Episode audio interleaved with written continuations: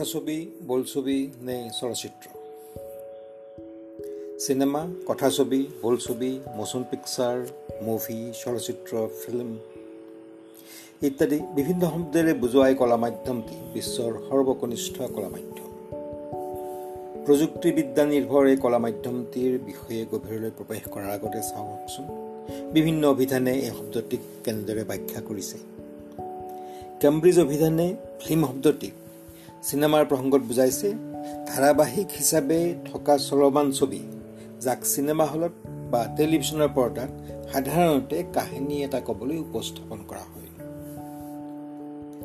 Oxford অভিধানৰ মতে film হ'ল কেমেৰাৰে ধৰি ৰখা চলমান ছবিৰ এটি শৃংখলিত গোটৰ সহায়ত বৰ্ণনা কৰা কাহিনী বা ঘটনা যাক চিনেমা হলত বা টেলিভিশ্যনত প্ৰদৰ্শন কৰা হয়। বহুলভাৱে প্ৰচলন হোৱা মুভি শব্দটোও ফিল্ম শব্দৰ সমাৰ্থক।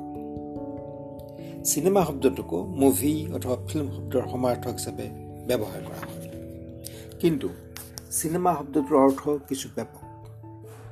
ই সাধাৰণভাৱে চিনেমাৰ কথা বুজায় কলা মাধ্যম হিচাপেও চিনেমাৰ কথা বুজায় চিনেমাৰ ব্যৱসায় বা উদ্যোগটিৰ কথাও বুজায় আৰু চিনেমা প্ৰদৰ্শন কৰা ঘৰটোৰ কথাও বুজায়। চিনেমা শব্দটো আহিছে ফৰাচী শব্দ চিনেমেটোগ্ৰাফৰ পৰা। এই শব্দটো আকৌ আহিছে গ্ৰীক শব্দ কিনেমাৰ পৰা। অসমীয়া ভাষাত চিনেমাৰ কথা বুজাবলৈ ব্যাপকভাৱে ব্যৱহাৰ হোৱা দুটা শব্দ হ'ল কথাছবি আৰু বোলছবি। চিনেমাৰ যেতিয়া আৰম্ভণি হৈছিল সেই সময়ত কথা নাছিল চৰিত্ৰবোৰে কথা কোৱা নাছিল অংগী ভংগীৰে বক্তব্য প্ৰকাশ কৰা হৈছিল। সেইবোৰ ছবিক কোৱা হৈছিল নিৰ্বাক ছবি ইংৰাজীত চাইলেণ্ট মুভি পিছৰ ফালে ছবিত শব্দৰ সংযোজন ঘটিল। শব্দ সংযোজনৰ আনন্দত অভিনেতা অভিনেত্ৰীসকলে পৰ্দাত কথা কোৱা দেখা পোৱাৰ আনন্দত চাইলেণ্ট মুভিৰ নাম সলনি হ'লগৈ টপি সেই শব্দক অসমীয়াত কৰা হ'ল কথা ছবি কথা আৰু ছবি কথা ছবি বাংলাত কোৱা হ'ল বোলছবি। বাংলা আৰু অসমীয়াৰ মাজৰ সহজ সম্বন্ধ আৰু অসমীয়াত লেখা মেলা কৰা মানুহৰ ওপৰত বাংলাৰ প্ৰভাৱৰ বাবেই অসমীয়াতো বোলছবি শব্দটোৰ ব্যৱহাৰ আৰম্ভ হ'ল। কিন্তু চিনেমাৰ বৈশিষ্ট্য হ'ল ইয়াৰ যোগেৰে ক'ব বিচৰাখিনিক ক'ব লাগে ছবিৰ জৰিয়তে। এটাৰ পিছত এটাকৈ চলি থকা চলমান ছবিৰ যোগেৰে। কথা আৰু শব্দৰ স্থান ইয়াত গৌণ। চলমান ছবি তাৰ পৰাই চলচ্চিত্ৰ। পদুম বৰুৱাই এই বিষয়ে লিখিছিল। মোচন পিকচাৰ বা মুভিৰ প্ৰকৃত নামকৰণ চলচ্চিত্ৰহে হ'ব। আমাৰ ভাষাৰ বাতৰি কাকত আৰু আলোচনী আদিত চলচ্চিত্ৰক প্ৰায়েই কথাছবি নাইবা বোলছবি বুলি কৈ অহা হৈছে। মন কৰিবলগীয়া কথা এই যে দুয়োটা শব্দই চলচ্চিত্ৰ কলাৰ প্ৰকৃত ৰূপ প্ৰকাশ নকৰি তাৰ এটি বিকৃত ৰূপৰহে ইংগিত দিয়ে। কথাছবি আৰু বোলছবি শব্দটাই এনে অৰ্থ কৰিব যেন ছবিয়ে কথা কোৱাটোৱেই ফিল্ম শিল্পৰ প্ৰধান গুণ। প্ৰকৃততে কথাটো এনেকুৱা নহয়।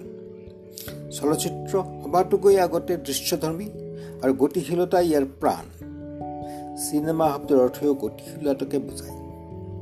দৃশ্যৰ নমনীয়তা ইংৰাজীত যাক কোৱা হয় ভিজুৱেল প্লাষ্টিচিটি চলচ্চিত্ৰ শিল্পৰ নিজা বৈশিষ্ট্য খ্যাতনামা চল খ্যাতনামা শিল্প সমালোচক হাৰ্বাৰ্ড ৰেডে ঊনৈছশ বত্ৰিছ চনতে লিখিছিল moving pictures the movies that is the most descriptive title which has ever been given to film আকৌ এবাৰ পঢ়ি দিছোঁ। Moving pictures the movies that is the most descriptive title which has been given to a film আন এজন শিল্প সমালোচক জা Philip লিহাৰভেলে তেওঁৰ ফ'কাছ অন ফিল্ম নামৰ কিতাপখনত লিখিছিল the word movie is a good one better than film. The word movie is a good one better than film because even a slang word like flick is more descriptive than film because it lays stress on a point which plays vital part of captivating our imagination that role of movement এই দুজন শিল্পবিদৰ এই কথাকেইষাৰ উদাহৰণ হিচাপে উল্লেখ কৰা হ'ল চলচ্চিত্ৰৰ সকলো সাহিত্য এই বিষয়ত একমত বিখ্যাত চলচ্চিত্ৰবিদ ৰুডল্ফ আৰ নেহিমৰ মতে সবাক চিত্ৰত সংলাপক বাস্তৱৰ অংশৰূপেহে ব্যৱহাৰ কৰা উচিত। শিল্পৰ ৰূপ হিচাপে নহয়। কথাছবি আৰু বোলছবি ইংৰাজী টকি শব্দৰ অনুৰূপ।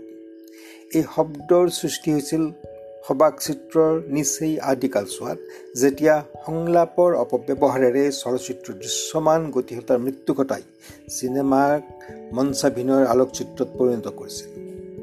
কিন্তু এই অভাৱনীয় অৱস্থা দুবছৰতকৈ অধিক কাল স্থায়ী নহ'ল। আমেৰিকাৰ কিং ভিডৰ ৰুবেৰ মালুলিয়ান ফ্ৰান্সৰ ৰেনেক্লেয়াৰ ব্ৰিটেইনৰ এলফ্ৰেড হিচকক আদি প্ৰতিভাশালী পৰিচালকৰ হাতত অনতিপলমেই চলচ্চিত্ৰই নৱজন্ম লাভ কৰিছিল। তেতিয়াৰে পৰা বিশ্বৰ কোনো দেশত চলচ্চিত্ৰক টকি বা তেনে অৰ্থ কৰা শব্দৰ দ্বাৰা অভিহিত কৰা হোৱা নাই। এনে অৱস্থাত আমি এতিয়াও চলচ্চিত্ৰক কথাছবি বা বোলছবি বুলিয়েই আছোঁ বুলি জানিলেই অসমৰ বাহিৰৰ মানুহে আমাক ফিল্ম শিল্প সম্পৰ্কে অজ্ঞ বুলি নাভাবিবনে? উল্লেখযোগ্য হ'ল পদুম বৰুৱাৰ এই কথাখিনি ৰচনাকাল হ'ল ঊনৈছশ ছয়ষষ্ঠি চন।